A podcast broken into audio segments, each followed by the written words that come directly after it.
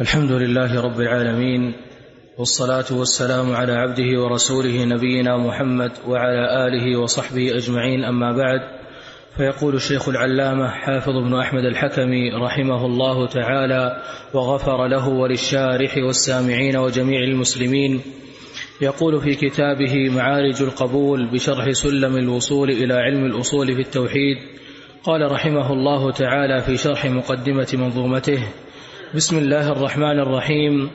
أبدأ بسم الله مستعينا راض به مدبرا معينا. قال رحمه الله أبدأ في جميع حركاتي وسكناتي وأقوالي وأعمالي وفي شأني كله. ومنه هذا التصنيف بسم الله متبركا ومستعينا به أو إياه. يتعدى بالباء وبدونه أي طالبا منه العون على فعل طاعته وترك معصيته كما قال تعالى في فاتحة الكتاب إياك نعبد وإياك نستعين. نعم. بسم الله الرحمن الرحيم. الحمد لله رب العالمين وأشهد أن لا إله إلا الله وحده لا شريك له وأشهد أن محمدا عبده ورسوله صلى الله وسلم عليه وعلى آله وأصحابه أجمعين. اللهم لا علم لنا إلا ما علمتنا اللهم علمنا ما ينفعنا وزدنا علما. وأصلح لنا شأننا كله ولا تكلنا إلى أنفسنا طرفة عين. أما بعد بالبدء بالبسملة تأسن بكتاب الله عز وجل وبهدي النبي الكريم عليه الصلاة والسلام في مكاتباته ومراسلاته صلوات الله وسلامه وبركاته عليه. والبدء بها فيه طلب العون من الله لأن الباء في بسم الله باء الاستعانة فعندما يبدأ المرء ما يبدأ به بالبسملة فإنه يبدأ مستعينا بالله متبركا أي طالبا البركة بذكر اسمه تبارك وتعالى. ولهذا قال رحمه الله أبدأ بسم الله مستعينا. أبدأ بسم الله مستعينا أي أبدأ كتابي هذا ذاكرا اسم الله تبارك وتعالى مستعينا به على ما أنا بصدد بيانه من علم ونفع وفائدة. وقوله رحمه الله تعالى مستعينا به أو إياه يتعدى بالباء وبدونه أي أن الفعل استعان يتعدى تارة بنفسه وتارة بحرف الباء فتقول استعنت الله وتقول استعنت بالله فهو يتعدى بنفسه ويتعدى بالباء قال مستعينا به أو مستعينا إياه كله صحيح لأن هذا الفعل يتعدى بنفسه ويتعدى بالباء. طالبا منه العون على فعل طاعته وترك معصيته.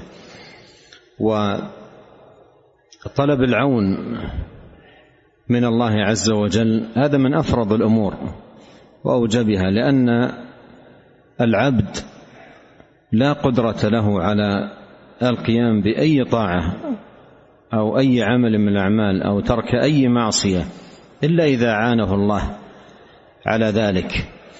ولهذا قال النبي عليه الصلاة والسلام لحبه معاذ لا تدعن دبر كل صلاة أن تقول اللهم اعني على ذكرك وشكرك وحسن عبادتك. نعم.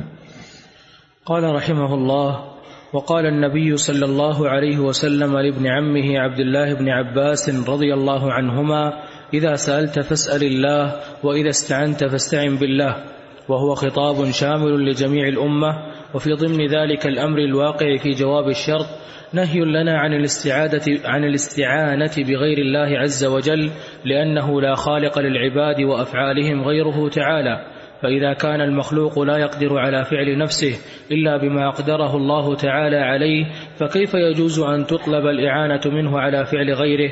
والعاقل يفهم ذلك بادئ بدء. أورد رحمه الله تعالى طرفا من حديث ابن عباس رضي الله عنهما في وصية النبي صلى الله عليه وسلم له. قال إذا سألت فاسأل الله وإذا استعنت فاستعن بالله.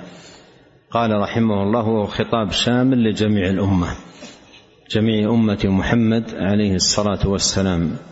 الواجب على كل واحد منهم إذا سأل أن يسأل الله وإذا استعان أن يستعين بالله.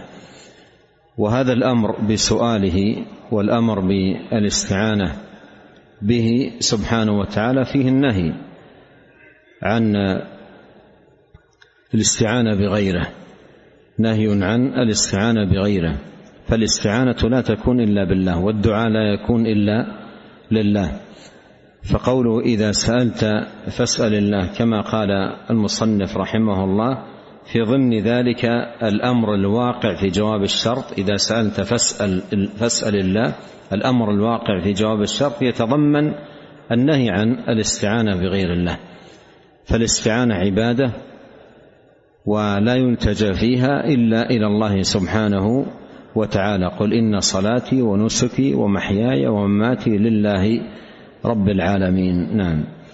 قال رحمه الله والكلام على تفسير البسملة مستوفى في كتب المفسرين ولنذكر خلاصة ذلك فنقول الباء أداة تخفض ما بعدها ومعناها في البسملة الاستعانة وتطويلها في القرآن تعظيما لكتاب الله عز وجل وإسقاط الألف في الاسم طلبا للخفة لكثرة استعمالها وقيل لما اسقطوا الألف ردوا طولها على الباء ليدل على السقوط ولذلك لما كتبت الألف في قوله تعالى اقرأ باسم ربك الذي خلق ردت الباء إلى هيئتها. هذا كلام على البسملة بدأه اولا بالكلام على رسمها رسم البسملة من حيث الخط وأن الباء تطول. في في رسمها والمراد بتطويلها أي السنة التي في أول الباء تكون طويلة شيئا ما ولا تطال إطالة بالغة لأن من السلف من كره ذلك لانها تكون شبيهة باللام إذا أطيلت السنة إطالة بالغة وإنما تطال شيئا قليلا حتى تتميز في طولها عن السنة التي في حرف السين. فتكون أطول شيئا قليلا. لا يبالغ في في إطالتها لا يبالغ في إطالتها. والشيخ ذكر رحمه الله تعالى تعليلات لهذا التطويل تطويل الباء قيل إنه للتعظيم وقيل إن إسقاط الألف من الاسم طلبا للخفة لكثره استعمالها. وقيل لما أسقطوا الألف ردوا طولها على الباء. ردوا طولها على الباء. لكن كل هذا الكلام ليس عليه يعني شيء بين. ليس عليه شيء بين. والأقرب الله تعالى أعلم أن هذا عائد إلى قواعد جمال الخط وتحسينه وتنميقه. الأقرب والله أعلم أن أن هذا عائد إلى هذا المعنى. نعم. قال رحمه الله والاسم هو المسمى وعينه وذاته فإنك تقول يا الله يا رحمن يا رحيم فتدعوه بأسمائه التي سمى بها نفسه كما قال تعالى ولله الأسماء الحسنى فادعوه بها وقال تعالى قل ادعوا الله أو ادعوا الرحمن أيما تدعو فله الأسماء الحسنى ولو كانت أسماء الله غيره لكان الداعي بها مشركا إذ دعا مع الله غيره ولكانت مخلوقة إذ كل ما سوى الله مخلوق وهذا هو الذي حاوله الملحدون في أسماء الله تعالى وصفاته. تعالى الله عما يقولون علوا كبيرا. وسيأتي بسط القول في ذلك إن شاء الله تعالى في الكلام على الأسماء. قوله رحمه الله تعالى والاسم هو المسمى وعينه وذاته. هذا فيه نظر. هذا فيه نظر. بل بل هو كلام متعقب وشيخ الإسلام ابن تيمية رحمه الله تعالى قال في قاعدة له مطبوعة في المجلد السادس من مجموع فتاواه قاعدة في الاسم والمسمى فصل فيها ما يتعلق بهذه المسألة تفصيلا نافعا.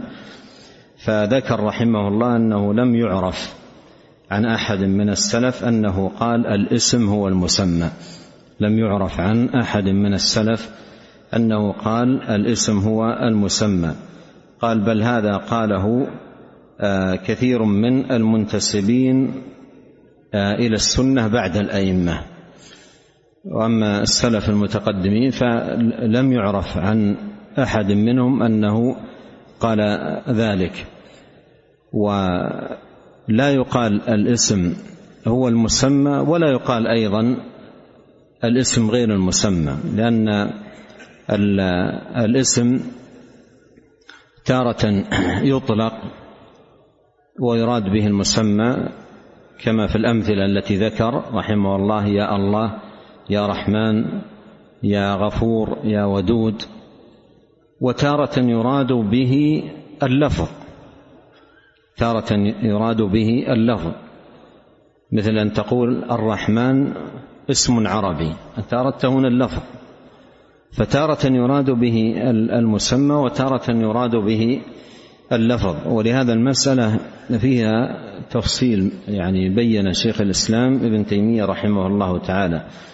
وهذه العبارة التي ذكر الشيخ الاسم هو المسمى وعينه وذاته هي منقولة عن البغوي رحمه الله نصا منقولة عن البغوي رحمه الله نصا وشيخ الإسلام في رسالته التي أشرت إليها نقل كلام البغوي وتعقبه رحمه الله تعالى تعقبا مفيدا يمكن أن يقف عليه طالب العلم.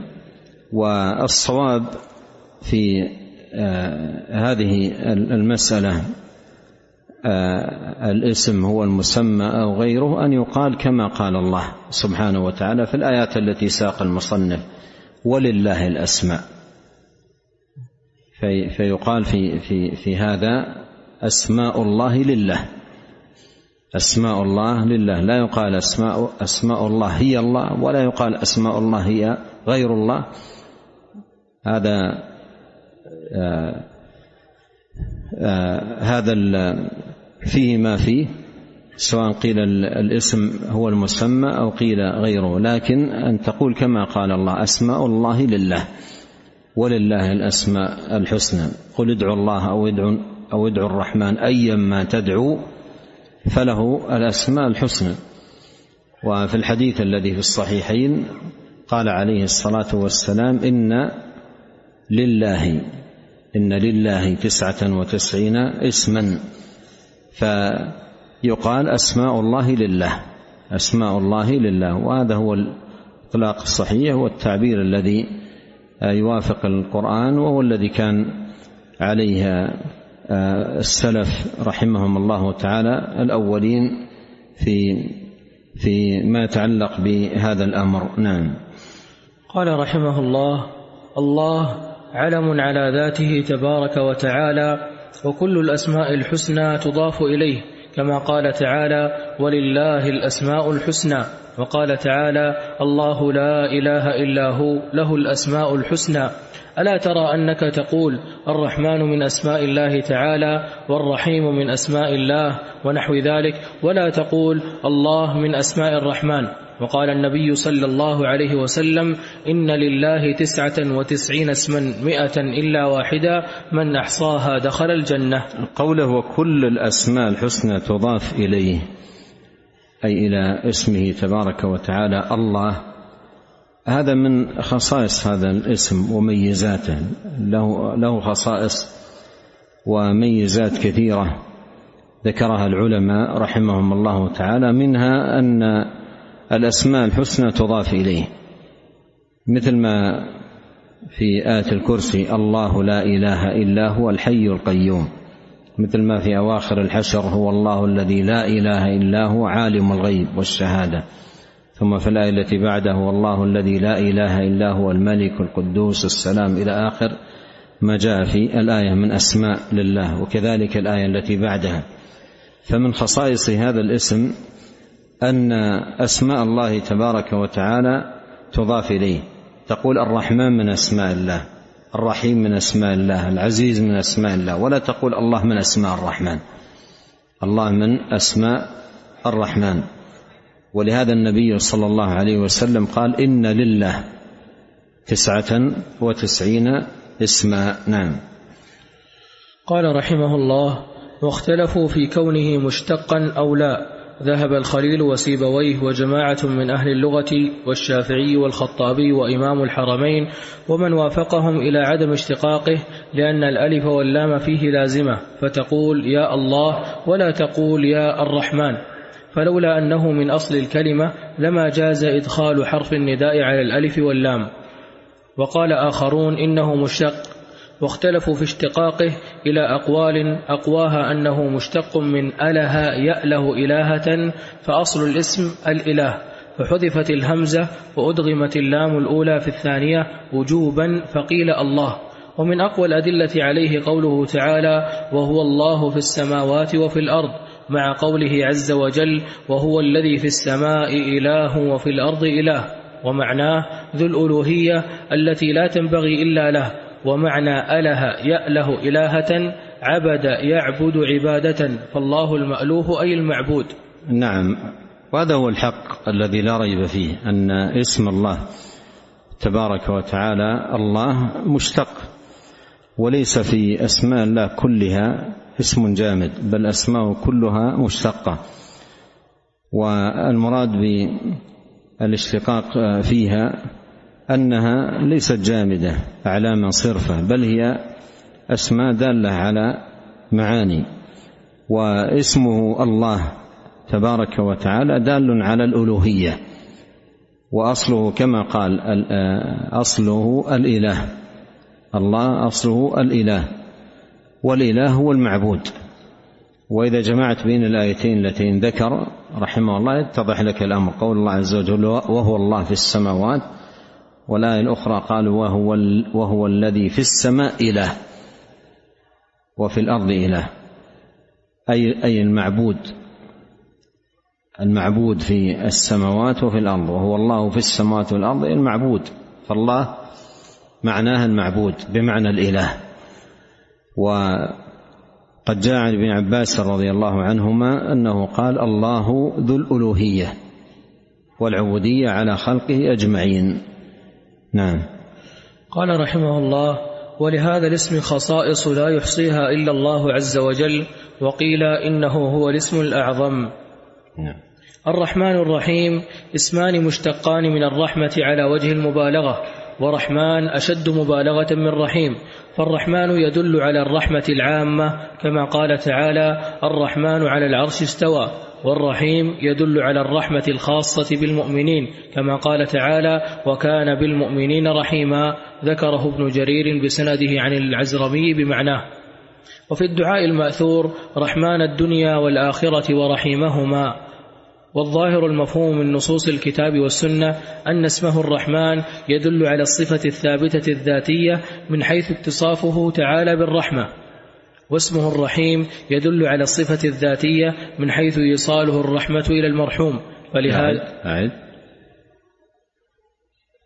واسمه الرحيم يدل على الصفة لا لا أعد. والظاهر المفهوم. والظاهر المفهوم من نصوص الكتاب والسنة أن اسمه الرحمن يدل على الصفة الثانية الذاتية من حيث اتصافه تعالى بالرحمة.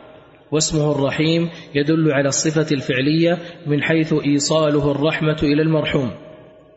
فلهذا قال تعالى وكان بالمؤمنين رحيما وقال إنه بهم رؤوف رحيم ولم يأت قط إنه بهم رحمن. وصف نبيه محمدا صلى الله عليه وسلم بأنه رؤوف رحيم فقال تعالى حريص عليكم بالمؤمنين رؤوف رحيم ولم يصف قط أحدا من خلقه أنه رحمن فتأمل ذلك والله أعلم. قال رحمه الله والظاهر المفهوم من نصوص الكتاب والسنة أن اسمه الرحمن يدل على الصفة لعلها الثابتة الذاتية. الصفة الثابتة الذاتية من حيث اتصافه تعالى بالرحمة أي أن الرحمن يدل على ما قام بذات الله سبحانه وتعالى من الرحمة فهو يدل على الصفة الذاتية القائمة بالله سبحانه وتعالى. ولهذا لم يأتي في النصوص بالمؤمنين رحمانا لأن هذا يدل على وصف ذاتي قائم بالله. يدل على وصف ذاتي قائم بالله سبحانه وتعالى. وصف ذاتي قائم بالله. أما اسمه الرحيم فهذا يدل على ما في هذا الوصف من تعلق بالمرحوم. يدل على ما في هذا الوصف متعلق بالمرحوم. ولهذا قال الشيخ واسم الرحيم يدل على الصفة الفعلية من حيث إيصاله الرحمة إلى المرحوم. من حيث إيصاله الرحمة إلى المرحوم. ولهذا جاء جاء في النصوص وكان بالمؤمنين رحيما. إنه بهم رؤوف رحيم. ولم يات رحمن. نعم. قال رحمه الله راض خبر لمبتدأ محذوف تقديره وأنا راض به أي بالله عز وجل. مدبرا حال من الضمير المجرور أي بتدبيره لي في جميع شؤوني. فإن أزمة الأمور بيده وهو الذي يعلم ما لا نعلم ويقدر ما لا نقدر. وهو الذي يدبر الأمر من السماء إلى الأرض. الله الذي خلق سبع سماوات ومن الأرض مثلهن. يتنزل الأمر بينهن لتعلموا أن الله على كل شيء قدير وأن الله قد أحاط بكل شيء علما. نعم يعني هذا فيه توضيح لمعنى قوله راض به مدبرا معينا أي راض بالله سبحانه وتعالى مدبرا لشؤون وشؤون الخلائق لأنه يعلم ولا نعلم ويقدر ولا يقدر ولا نقدر وبيده تبارك وتعالى أزمة الأمور. وفي المأثور عن النبي صلى الله عليه وسلم رضيت بالله ربا وبالإسلام دينا. وبمحمد صلى الله عليه وسلم رسولا. فإن في قولك رضيت بالله ربا الرضا بالله مدبرا والرضا به سبحانه وتعالى معينا والرضا به متصرفا في شؤون الخلائق وأنه سبحانه وتعالى المعبود بحق ولا معبود بحق سواه. نعم. قال رحمه الله ومعينا لي على جميع أمور الدينية والدنيوية فإني لا أقدر إلا على ما أقدرني عليه ولا علم لي إلا ما علمنيه فلا أعبد إلا إياه ولا أستعين إلا به ولا أتوكل إلا عليه ولا حول ولا قوة إلا بالله ولا منجا ولا ملجأ منه إلا إليه. نعم لأنه سبحانه وتعالى وحده المستعان وإليه الملتجأ فلا يفزع إلا إليه ولا يلتجأ إلا به. ولا يلتجا إلا إليه ولا يعتمد إلا عليه ولا تفوض الأمور إلا إليه سبحانه وتعالى. جميع أمور العبد كما قال الشيخ الدينية والدنيوية لأن العبد ضعيف ولا قدرة له على شيء إلا إذا أقدره الله عليه وأعانه على القيام به. ولهذا من أعظم الكلمات وأجلها وهي من الباقيات الصالحات. قول المسلم لا حول ولا قوة إلا بالله. فهذا اعتراف من العبد بعجزه وعدم قدرته على شيء إلا إذا أعانه الله. لا حول ولا قوة إلا بالله. أي لا تحول من حال إلى حال ولا حصول قوة إلا بالله. أي بمعونته وإذنه وتسديده سبحانه وتعالى. نعم. قال رحمه الله والحمد لله كما هدانا إلى سبيل الحق واجتبانا. اي أيوة واثني بحمده فأقول الحمد لله كما أثنى به على نفسه في كتابه فقال الحمد لله رب العالمين وأمر بذلك عباده فقال تعالى مخاطبا لنبيه خطابا يدل فيه خطابا يدخل فيه جميع أمته قل الحمد لله. فله الحمد كالذي يقول وخيرا مما نقول سبحانه لا نحصي ثناء عليه هو, هو كما أثنى على نفسه فله الحمد على أسمائه الحسنى وصفاته العلى وله الحمد على نعمه الظاهرة والباطنة وله الحمد في الأولى والآخرة. نعم هذا فيه توضيح ما تقدم أن الحمد نوعان حمد على الأسماء الحسنى والصفات العلى وحمد على النعم الظاهرة والباطنة. نعم. وعن الأسود بن سريع رضي الله عنه أنه قال قلت يا رسول الله ألا أنشدك محامد حمدت بها ربي تبارك وتعالى؟ فقال صلى الله عليه وسلم أما إن ربك يحب الحمد. نعم هذا الشاهد رواه أحمد النسائي هذا الشاهد ربك يحب الحمد فالله سبحانه وتعالى يحب آه، الحمادين من عباده الذين يحمدونه ويكثرون من حمده جل في علاه والثناء عليه. قال إن ربك يحب الحمد. نعم. وعن الحكم بن عمير رضي الله عنه وكانت له صحبة أنه قال قال رسول الله صلى الله عليه وسلم إذا قلت الحمد لله فقد شكرت الله فزادك. رواه ابن جرير. وعن جابر بن عبد الله رضي الله عنهما أنه قال قال رسول الله صلى الله عليه وسلم أفضل الذكر لا إله إلا الله وأفضل الدعاء الحمد لله رواه الترمذي والنسائي وابن ماجه وقال الترمذي حسن غريب.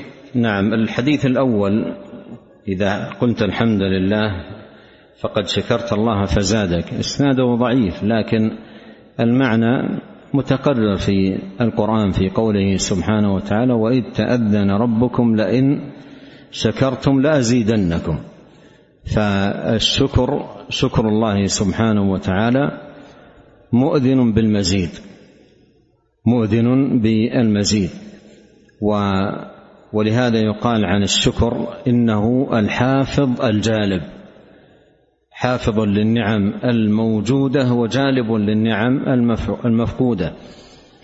ولهذا من وجد من من نفسه قلة وحاجة فليستقبل الحمد. فإنه باب الحفظ للموجود من النعم والجلاب أيضا للمفقود منها. فما استجلبت نعمة بمثل حمد المنعم. سبحانه وتعالى نعم. وعن أنس بن مالك رضي الله عنه أنه قال قال رسول الله صلى الله عليه وسلم ما أنعم الله على عبد نعمة فقال الحمد لله إلا كان الذي أعطى يعني من هدايته للحمد أفضل مما أخذ. رواه ابن ماجه. وللقرطبي عنه عن النبي صلى الله عليه وسلم أنه قال لو أن الدنيا بحذافيرها في يد رجل ثم قال الحمد لله لكان الحمد لله أفضل من ذلك.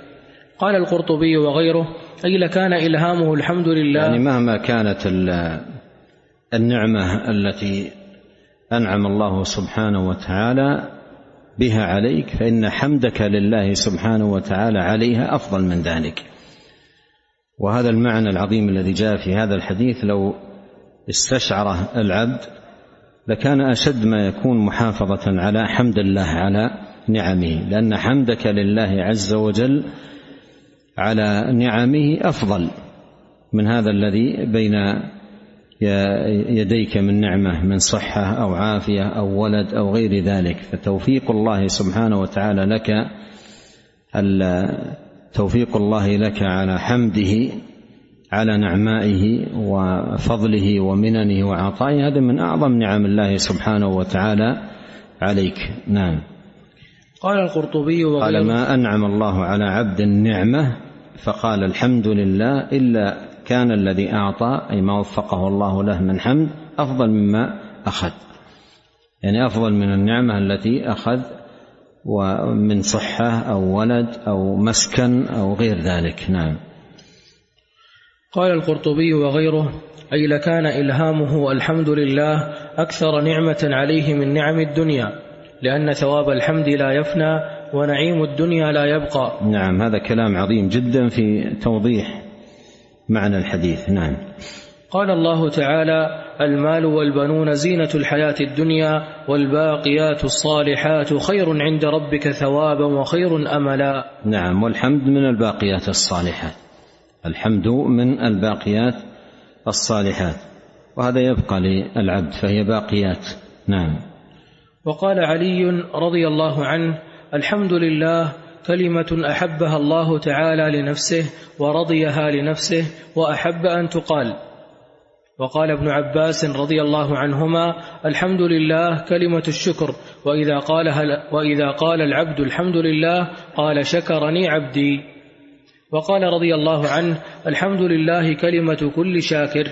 وقال رضي الله عنه الحمد لله هو الشكر لله هو الاستخ الاستخداء هو الاستخذاء له والإقرار له بنعمته وهدايته وابتدائه وغير ذلك. استخذاء الافتقار والتذلل. نعم. وقال الضحاك رحمه الله الحمد لله رداء الرحمن. وقال كعب الأحبار الحمد لله ثناء الله. وفي معنى الحمد لله وفضائلها آثار غير ما ذكرنا لا تحصى ولما كان من أكبر نعم الله علينا وأجل مننه الواصلة إلينا هدايته إيانا إلى صراطه المستقيم الذي هو دين الإسلام الذي أرسل به رسوله وأنزل به كتابه رسله الذي أرسل به رسله وأنزل به كتبه ولا يقبل من أحد غير ولا يقبل من أحد غيره. ناسب الثناء عليه بها فقلت كما هدانا أي على ما هدانا إرشادا ودلالة بكتبه ورسله وتوفيقا وتسديدا بمشيئته وقدره.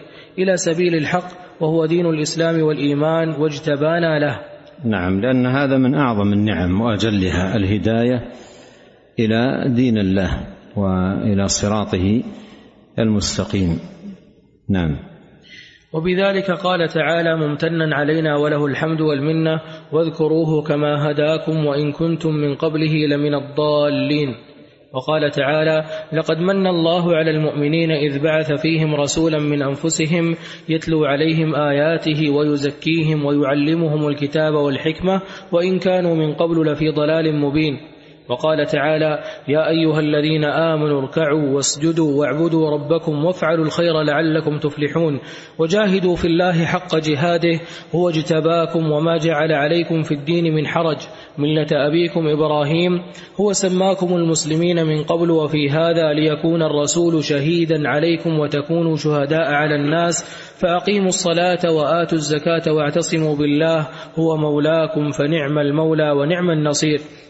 ولما كان الحمد الخبري أبلغ من الإنشائي لدلالته على الثبوت والاستمرار قدمته عليه أولا ثم عطفت عليه الإنشائي جمعا بينهما فقلت الإنشائي أحمده أو أحمد الله والخبر الحمد لله الحمد لله وهو أبلغ كما ذكر رحمه الله تعالى لأنه دال على الثبوت والاستمرار فقدمه ثم عطف عليه الحمد الإنشائي قال أحمده. نعم. قال رحمه الله أحمده سبحانه وأشكره ومن مساوي عملي أستغفره. أحمده أي أنشئ له حمدا آخر متجددا على توالي نعمه وتواتر فضله فله الحمد كما ينبغي لجلال وجهه وعظيم سلطانه. سبحانه أي تنزيها له عما لا يليق بنعوت جلاله وصفات كماله. وهذه العبارة تتضمن معنى قوله صلى الله عليه وسلم في الحديث المتفق في الحديث المتفق عليه كلمتان حبيبتان إلى الرحمن خفيفتان على اللسان ثقيلتان في الميزان. سبحان الله وبحمده سبحان الله العظيم. نعم يعني قوله رحمة الله عليه أحمده سبحانه في جمع بين الحمد والتسبيح. كما في هذا الحديث الذي ذكر وأحاديث كثيرة مثل سبحان الله وبحمده. سبحان الله وبحمده تأتي في كثير من الأذكار الماثورة عن النبي صلى الله عليه وسلم. فيها الجمع بين الحمد والتسبيح والحمد فيه اثبات الكمال والتسبيح فيه التنزيه عن النقائص. تنزيه في والتسبيح في التنزيه عن عن النقائص. سبحان ربك رب العزة عما يصفون وسلام على المرسلين والحمد لله رب العالمين. فالتسبيح تنزيه لله عن النقائص والحمد في إثبات الكمال لله سبحانه وتعالى. ولهذا باب الأسماء والصفات يقوم على هذين الأمرين. يقوم على التسبيح والحمد. التسبيح الذي هو التنزيه والحمد الذي هو إثبات الكمال لله سبحانه وتعالى. نعم. قال رحمه الله وأشكره على ما أنعم وألهم امتثالا لقوله عز وجل فاذكروني أذكركم واشكروا لي ولا تكفرون. واختلف العلماء في معنى الحمد والشكر هل هما مترادف هل هما مترادفان أو لا؟ فذهب إلى ترادفهما ابن جرير الطبري صاحب التفسير وجعفر الصادق وغيرهما وذهب جماعة من المتأخرين إلى التفرقة بينهما. وقال شيخ الإسلام ابن تيمية رحمه الله تعالى الحمد يتضمن المدح والثناء على المحمود بذكر محاسنه سواء كان الإحسان إلى الحامد أو لم يكن والشكر لا يكون إلا على إحسان المشكور إلى الشاكر. فمن هذا الوجه الحمد أعم من الشكر لأنه يكون على المحاسن والإحسان فإن الله تعالى يحمد على ما له من الأسماء الحسنى والمثل الأعلى وما خلق وما خلقه في الآخرة والأولى. ولهذا قال تعالى وقل الحمد لله الذي لم يتخذ والمثل الأعلى أي الوصف الأكمل ولله المثل الأعلى نعم. ولهذا قال تعالى وقل الحمد لله الذي وقل الحمد لله الذي لم يتخذ ولدا ولم يكن له شريك في الملك ولم يكن له ولي من الذل. وقال تعالى الحمد لله الذي خلق السماوات والأرض وجعل الظلمات والنور. وقال تعالى الحمد لله الذي له ما في السماوات وما في الأرض وله الحمد في الآخرة. وقال تعالى الحمد لله فاطر السماوات والأرض جاعل الملائكة رسلا أولي أجنحة مثنى وثلاث ورباع يزيد في الخلق ما يشاء. وأما الشكر فإنه لا يكون إلا على الإنعام فهو أخص من الحمد من هذا الوجه لكنه يكون بالقلب واليد واللسان. كما قيل أفاد أفادتكم النعماء مني ثلاثة يدي ولساني والضمير المحجبا ولهذا قال تعالى اعملوا آل داود شكرا وقليل من عبادي الشكور. نعم فعد العمل شكرا. فالشكر يكون بالقلب ويكون باللسان ويكون بالجوارح. اعملوا آل داود شكرا. نعم. والحمد يكون بالقلب واللسان فمن هذا الوجه الشكر أعم من جهة أنواعه والحمد أعم من جهة أسبابه. وفي نعم هذه فائدة يعني ثمينة في الفرق بينهما. الشكر أعم من جهة أنواعه. فالله يحمد باللسان وبالقلب وبالجوارح الشكر يكون بالحمد واللسان والجوارح. والحمد أعم من جهة أسبابه لأن الحمد يكون على الإحسان ويكون على المحاسن. نعم. وفي الحديث الحمد لله رأس الشكر فمن لم يحمد الله لم يشكره. وفي الصحيح عن النبي صلى الله عليه وسلم أنه قال إن الله لا يرضى عن العبد أن يأكل الأكلة فيحمده عليها ويشرب الشربة فيحمده عليها. والله أعلم. انتهى كلامه رحمه الله تعالى. كلامها يا شيخ الإسلام. نعم. قال رحمه الله ومن مساوي ومن مساوي جمع مساءة عملي مضاف إليه من إضافة الصفة إلى الموصوف. أستغفره السين للطلب أي أطلب منه مغفرة تلك المساوئ على ما تقدم منها وما تأخر. أعد ومن مساوي جمع مساءة عملي مضاف إليه من إضافة الصفة إلى الموصوف. أستغفره السين للطلب أي أطلب منه مغفرة تلك المساوئ ما تقدم منها وما تأخر. إنه هو أهل التقوى وأهل المغفرة. نعم.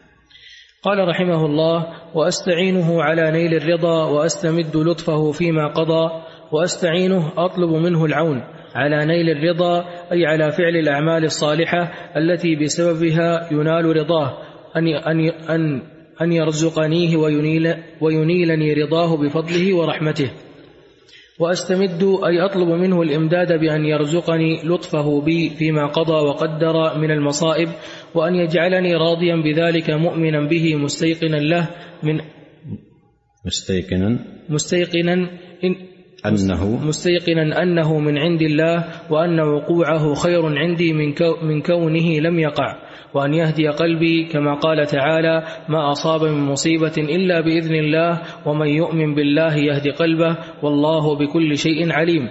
وكما قال صلى الله عليه وسلم وأسألك الرضا بعد القضاء. الحديث فإن ذلك أعلى درجات الإيمان بالقدر وهو الرضا بالمصيبة. نعم. ونسأل الله عز وجل أن ينفعنا بما علمنا وأن يزيدنا علما وأن يصلح لنا شأننا كله وألا يكلنا إلى أنفسنا طرفة عين. اللهم اغفر لنا ولوالدينا ولمشايخنا ولولاة أمرنا وللمسلمين والمسلمات والمؤمنين والمؤمنات الأحياء منهم والأموات. سبحانك اللهم وبحمدك. أشهد أن لا إله إلا أنت. أستغفرك وأتوب إليك. اللهم صل وسلم على عبدك ورسولك نبينا محمد وآله وصحبه.